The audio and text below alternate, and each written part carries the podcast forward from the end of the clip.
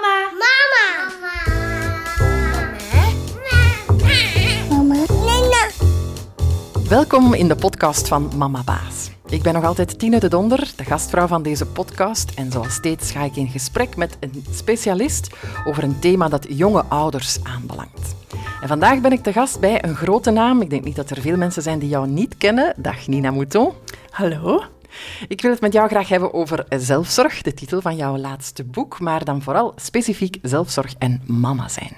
Oké. Nu, laten we eens beginnen bij het begin. Kan je heel kort nog eens zeggen wat dat voor jou juist is, zelfzorg?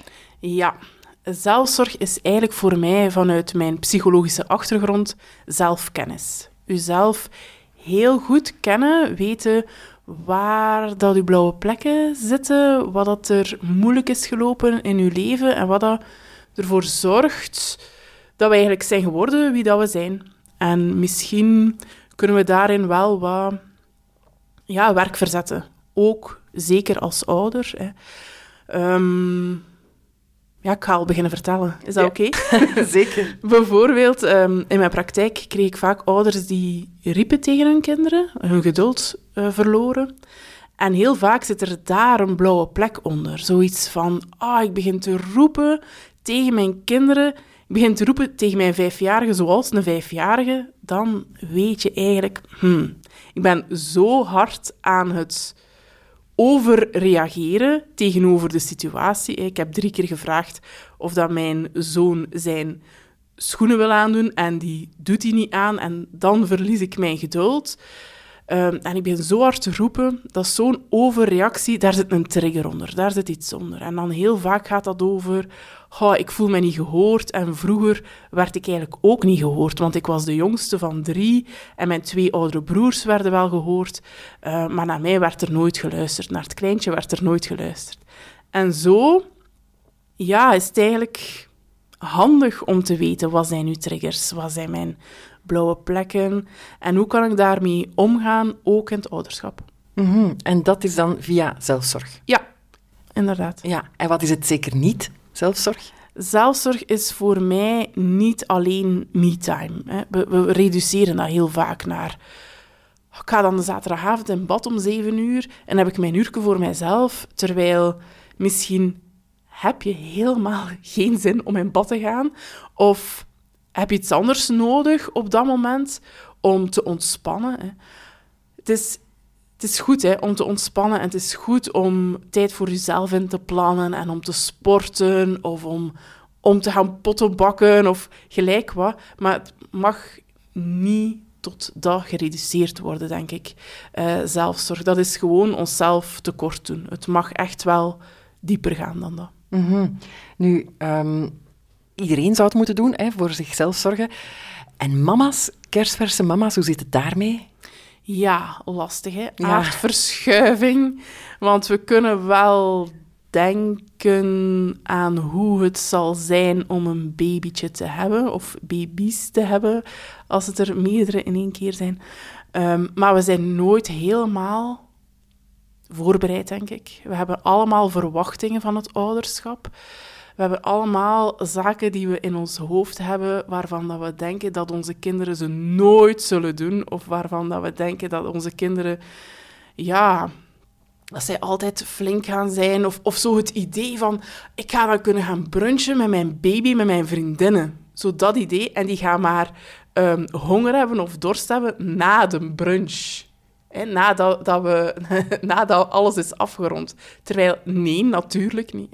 Dus dat is een enorme aardverschuiving. En ik denk dat we daarin als kerstverse ouder mild moeten zijn voor onszelf. Mijn boek gaat alsmaar dieper in op zelfzorg. En dan gaat dat inderdaad naar die blauwe plekken en naar uw innerlijke kind en naar uw trauma's.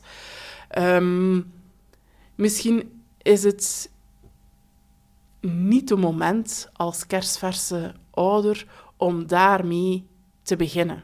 Misschien kan het dan wel gaan over die eerste lagen van zelfzorg. Over wat zijn mijn behoeften, wat zijn mijn emoties, wat signaleert mijn lichaam, wat heb ik nodig. Um, en is, zijn er andere momenten in uw leven om dieper te gaan graven? Gaat dat wel? Zoveel te beter. Gaat dat niet? Ja, schiet jezelf niet af. Hè. Wees mild en ehm, ja, zoek het op andere momenten, op, op Ja. andere, in andere levensfases. Ja, dus misschien niet als je net bevallen bent.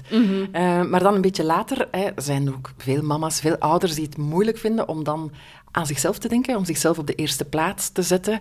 Heb je daar tips hoe ze dat toch kunnen doen?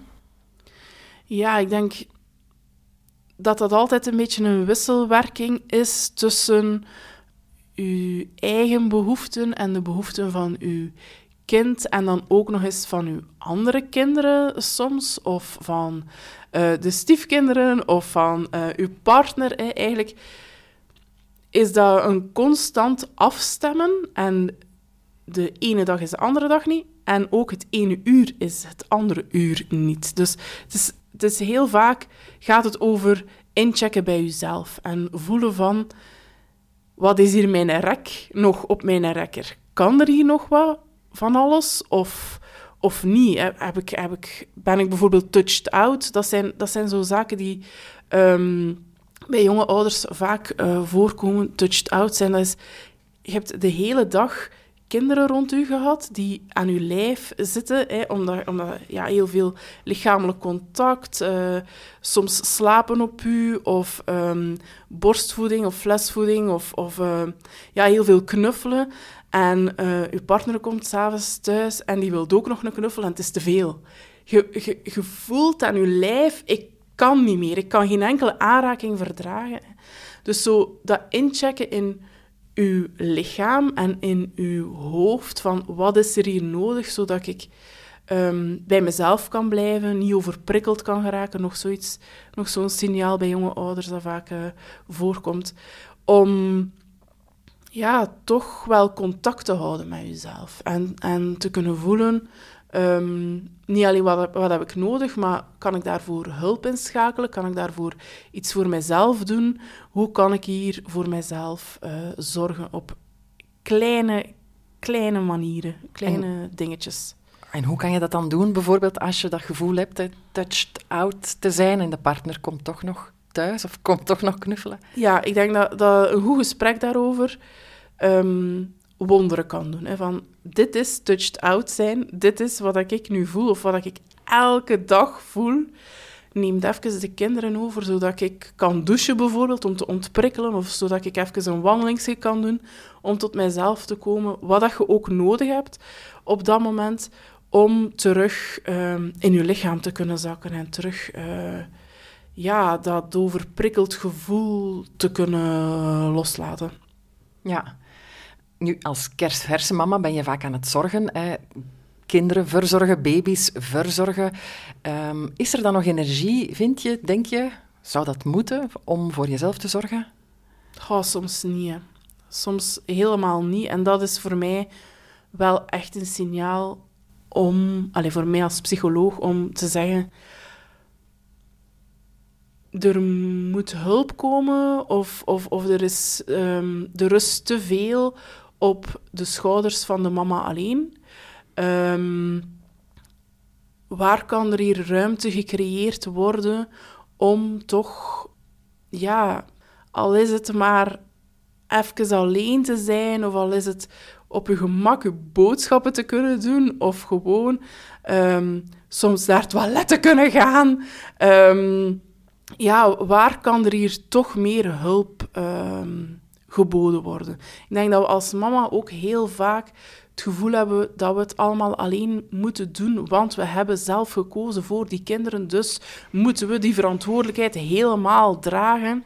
Terwijl wij vroeger veel meer in een stam kinderen grootbrachten. En nu zitten wij allemaal in ons huisje alleen, ehm, tussen onze vier muren, en moeten we het allemaal maar alleen zien te beredderen. En eigenlijk struggelen zoveel ouders met dezelfde zaken, maar denken we dat we dat allemaal maar alleen moeten oplossen. En dan denk ik dat zo eh, bijvoorbeeld een Facebookgroep of iets waar dat je voelt van, ah, mensen... eh, ik kan verbinden met mensen in dezelfde fase van kinderen. Ik had nog... Ja, mijn kinderen zijn al bijna tien en dertien, dus... eh, in mijn tijd was nog met forums te doen. Ik had eh, ja, ik had mama's die echt ehm, baby's hadden die in dezelfde maand waren geboren. En dat was voor mij zo helpend, omdat die allemaal hetzelfde doormaakten. Ik denk dat we, ook al hebben we geen ouders in onze omgeving die hetzelfde doormaken, want een baby van zes maanden is niet een baby van één maand, dat is iets helemaal verschillend, probeer daarin uh, te verbinden. Ja, dus ook dat is zelfzorg. Ja, zeker en vast. Uitreiken en het gevoel hebben van het niet alleen van er niet alleen voor te staan, maar ook van het niet alleen door te maken. Ja, en welke vormen ken je zo nog van uh, zelfzorg? Ja, ik denk dat er inderdaad wel heel wat um, zaken mogelijk zijn. Enerzijds op lichamelijk vlak, waar ik het al over gehad heb, uh, touch zijn, overprikkeling.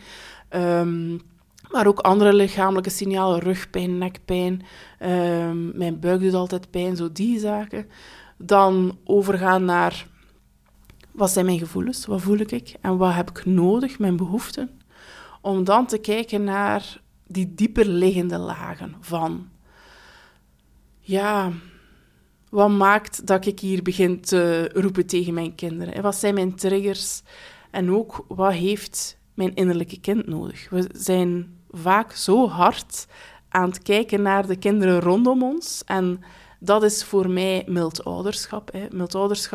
Dat boek heb ik geschreven voor de kinderen rondom ons. Ook al ben je zelf geen ouder, toch kan mild ouderschap um, u helpen om te verbinden met de kinderen die rondom u staan. En zelfzorg heb ik geschreven voor het kind in ons, voor ons innerlijke kind. We hebben allemaal een innerlijke kind. Dat kan komen schreeuwen omdat het kwaad is, of verdrietig zijn omdat het, en huilen omdat het gekwetst is, of heel blij zijn omdat het uh, mag schommelen, bijvoorbeeld. En het is zaak van, die, van dat innerlijke kind, van dat blije innerlijke kind, te versterken. En um, ik hoor soms mensen zeggen van, ja Nina, um, ik heb uw boek gelezen of ik heb naar uw podcast geluisterd en ik was aan het wandelen en ik zag een schommel en ik dacht, zou ik het doen? En ik heb het gedaan. Het heeft mij zo deugd gedaan om nog een keer te schommelen. En onlangs gaf ik een lezing en dat was zo hard aan het regenen. En er zeiden verschillende mensen, toen ik aan het signeren was achteraf, wij gaan nu in de plassen gaan springen. Om dat innerlijke kind, om dat blije innerlijke kind te versterken, wat deed je graag? En dat is ook de sterkte van zelf kinderen te hebben, of kinderen in je omgeving te hebben. Zij vragen vaak van, kom je meedoen? Kom je een toren bouwen? Kom je meespelen op de trampoline? Um, en heel vaak zeggen we dat niet, want we zijn volwassen. En dat is niet meer voor ons. Maar zeg ja, ga mee voetballen op dat familiefeest. Dat is goed voor je innerlijke kind als je dat vroeger graag deed. En, en ja, dat zijn zo kleine zaken om voor jezelf te kunnen zorgen in je volwassenheid, maar ook voor je innerlijke kind. Ja, en daar ga je dan beter van voelen. Ja, dat is ja, niet alleen uw, uw volwassen, jij wordt daar content van, maar ook dat kindje in u, dat zo... Bijvoorbeeld huppelen. Ik deed als kind super graag. En als ik nu een kind zie huppelen, word ik daar vrolijk van. Maar als ik zelf huppel, word ik daar nog vrolijker van. En doe je dat dan? Ja, ja, ja. Ik kan dat niet... Mijn conditie laat het niet toe om ver te huppelen. Maar toch...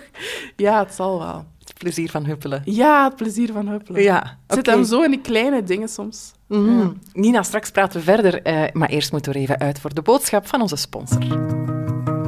Of jij nu een fashion-forward mama bent, een papa die graag ontspant of avontuurlijke kinderen hebt, Van Haren heeft de perfecte schoenen voor elk lid van jouw gezin.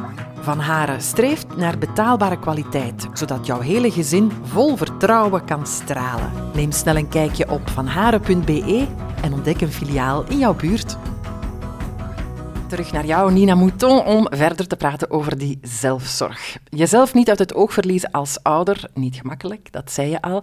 Um, jij probeert daar wel verandering in te brengen door de mensen daarvan bewust te maken, met je boek ook. We hadden het daarnet al over dat innerlijke kind. En ik heb ook gelezen in je boek, iedereen heeft zogenoemde blauwe plekken. Ja. Wat bedoel je daarmee? Ja, iedereen heeft wel ja, zaken meegekregen van thuis of in de opvoeding of op school. Zaken meegemaakt die u vormen tot wie dat je zijt, maar ehm, waarin dat je bijvoorbeeld dingen hebt gemist. Je hebt ehm, het gemist dat er dat je zelf echt werd gezien. Bijvoorbeeld het perfecte kind. Hè. Het perfecte kind wordt pas gezien als die goed presteert. Goed presteren op school, in de hobby's. Ehm, dus die prestaties worden gezien en dan uh, krijg je aandacht en uh, complimenten. Maar er wordt niet gekeken naar wie ben jij zelf. Wil je eigenlijk wel goede punten halen? Um, en, en, en, en wie is die persoon achter die goede punten? Wie, wie, wie is dat kind zelf? En heel vaak worden dat dan de volwassenen die uh, ook de perfectionisten zijn in alles wat ze doen. En de perfecte vriend of vriendin willen zijn, de perfecte dochter of zoon willen zijn, de perfecte werknemer willen zijn en dan ook de perfecte ouder willen zijn. En heel vaak lukt het wel nog juist om alle ballen in de lucht te houden en het perfecte proberen doen al die taken dat je, of al die rollen die dat je hebt te vervullen. Maar dan komt dat ouderschap erbij en dat is een bal te veel. En dan vallen er ballen. En dan lukt dat niet meer. Tot grote frustratie van de persoon die het altijd gewend is om niet 100% te geven, maar 150% te geven, om alles perfect te doen. En dat zijn patronen die dat we hebben opgebouwd in ons in onze kindertijd, in onze jeugd, in ons opgroeien, die alleen maar sterker en sterker worden en die heel vaak pas ja, echt gezien worden als we ouder worden, als we, ja, als we kinderen krijgen. Ja, en dat kan dan problemen geven. Ja, inderdaad. Dat, dat zorgt voor... Als we niet meer alles perfect kunnen doen, dan ja, zorgt dat voor frustratie, zorgt dat voor een, een gevoel van falen. En zeker in een rol als ouder willen we zo weinig mogelijk of niet falen. Terwijl dat, dat heel erg menselijk is. We hebben altijd maar voortschrijdend inzicht in het ouderschap. Niemand heeft ervoor gestudeerd. En ook al heb je ervoor gestudeerd, ik dacht dat ik gestudeerd had om hè, um, kinderen toch op, op iets of wat een goede wijze groot te brengen, dan nog... Um, ja, dat, dat, dat heeft eigenlijk mijn moederschap in de eerste jaren heel erg overschaduwd. Zo het idee van, ik ben psycholoog en ik heb ge, gezien hoe kinderen zich ontwikkelen en ik zou het moeten weten, terwijl ik niet meer mijn, mijn moedergevoel kon volgen. Ik volgde alleen maar de kennis in mijn hoofd en ik zou het zo en zo en zo moeten doen. Um, wat dan mij eigenlijk, mijn, mijn moedergevoel helemaal overschaduwde en buitenspel zette. Dus ouderschap is voor mij een dagelijks leren en een dagelijks afstemmen op mijn kind en op mijzelf en, en, in mijn gezin. Van uh, hoe kan ik dat hier aanpakken? En je leert je kind altijd maar beter kennen en je kind leert u ook altijd maar beter kennen. En je moogt je grenzen aangeven en je moogt zeggen, ik weet het niet.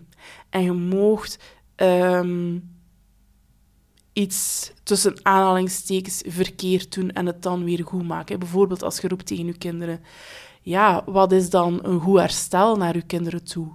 En um, in plaats van het te negeren en in plaats van te zeggen van, oh ja, ik heb nu geroepen en ik ga er nu niet meer op terugkomen naar mijn kinderen, kunt je u ook excuseren naar uw kinderen toe. Maar dat zijn heel vaak zaken die wij als opgroeiend kind zelf nooit hebben gehoord van onze ouders. Hè. Een, een, een verontschuldiging of, of een ja, iets, um, of ik heb iets verkeerd gedaan. Hè. Heel vaak waren dat de alwetende volwassenen en de nietswetende kinderen, en was dat de, de rangorde.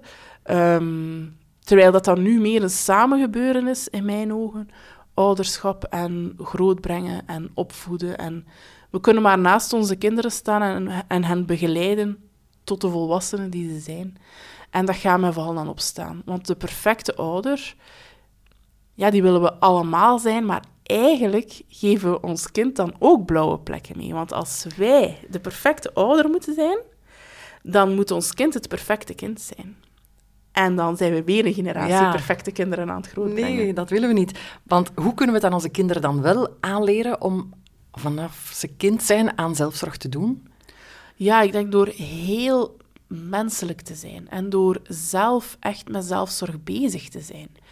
Ehm, door niet die alwetende ouder te zijn, maar wel ehm, die kwetsbare ouder. Die ouder die ook het soms niet weet en die ook fouten maakt. Hè? Want we kunnen nog zo zeggen tegen onze kinderen: foutjes maken mag als ze zien dat wij onszelf niet toelaten om fouten te maken, dan gaan ze dat oppikken. hè. Kinderen leren door woorden, maar leren nog veel meer door te observeren.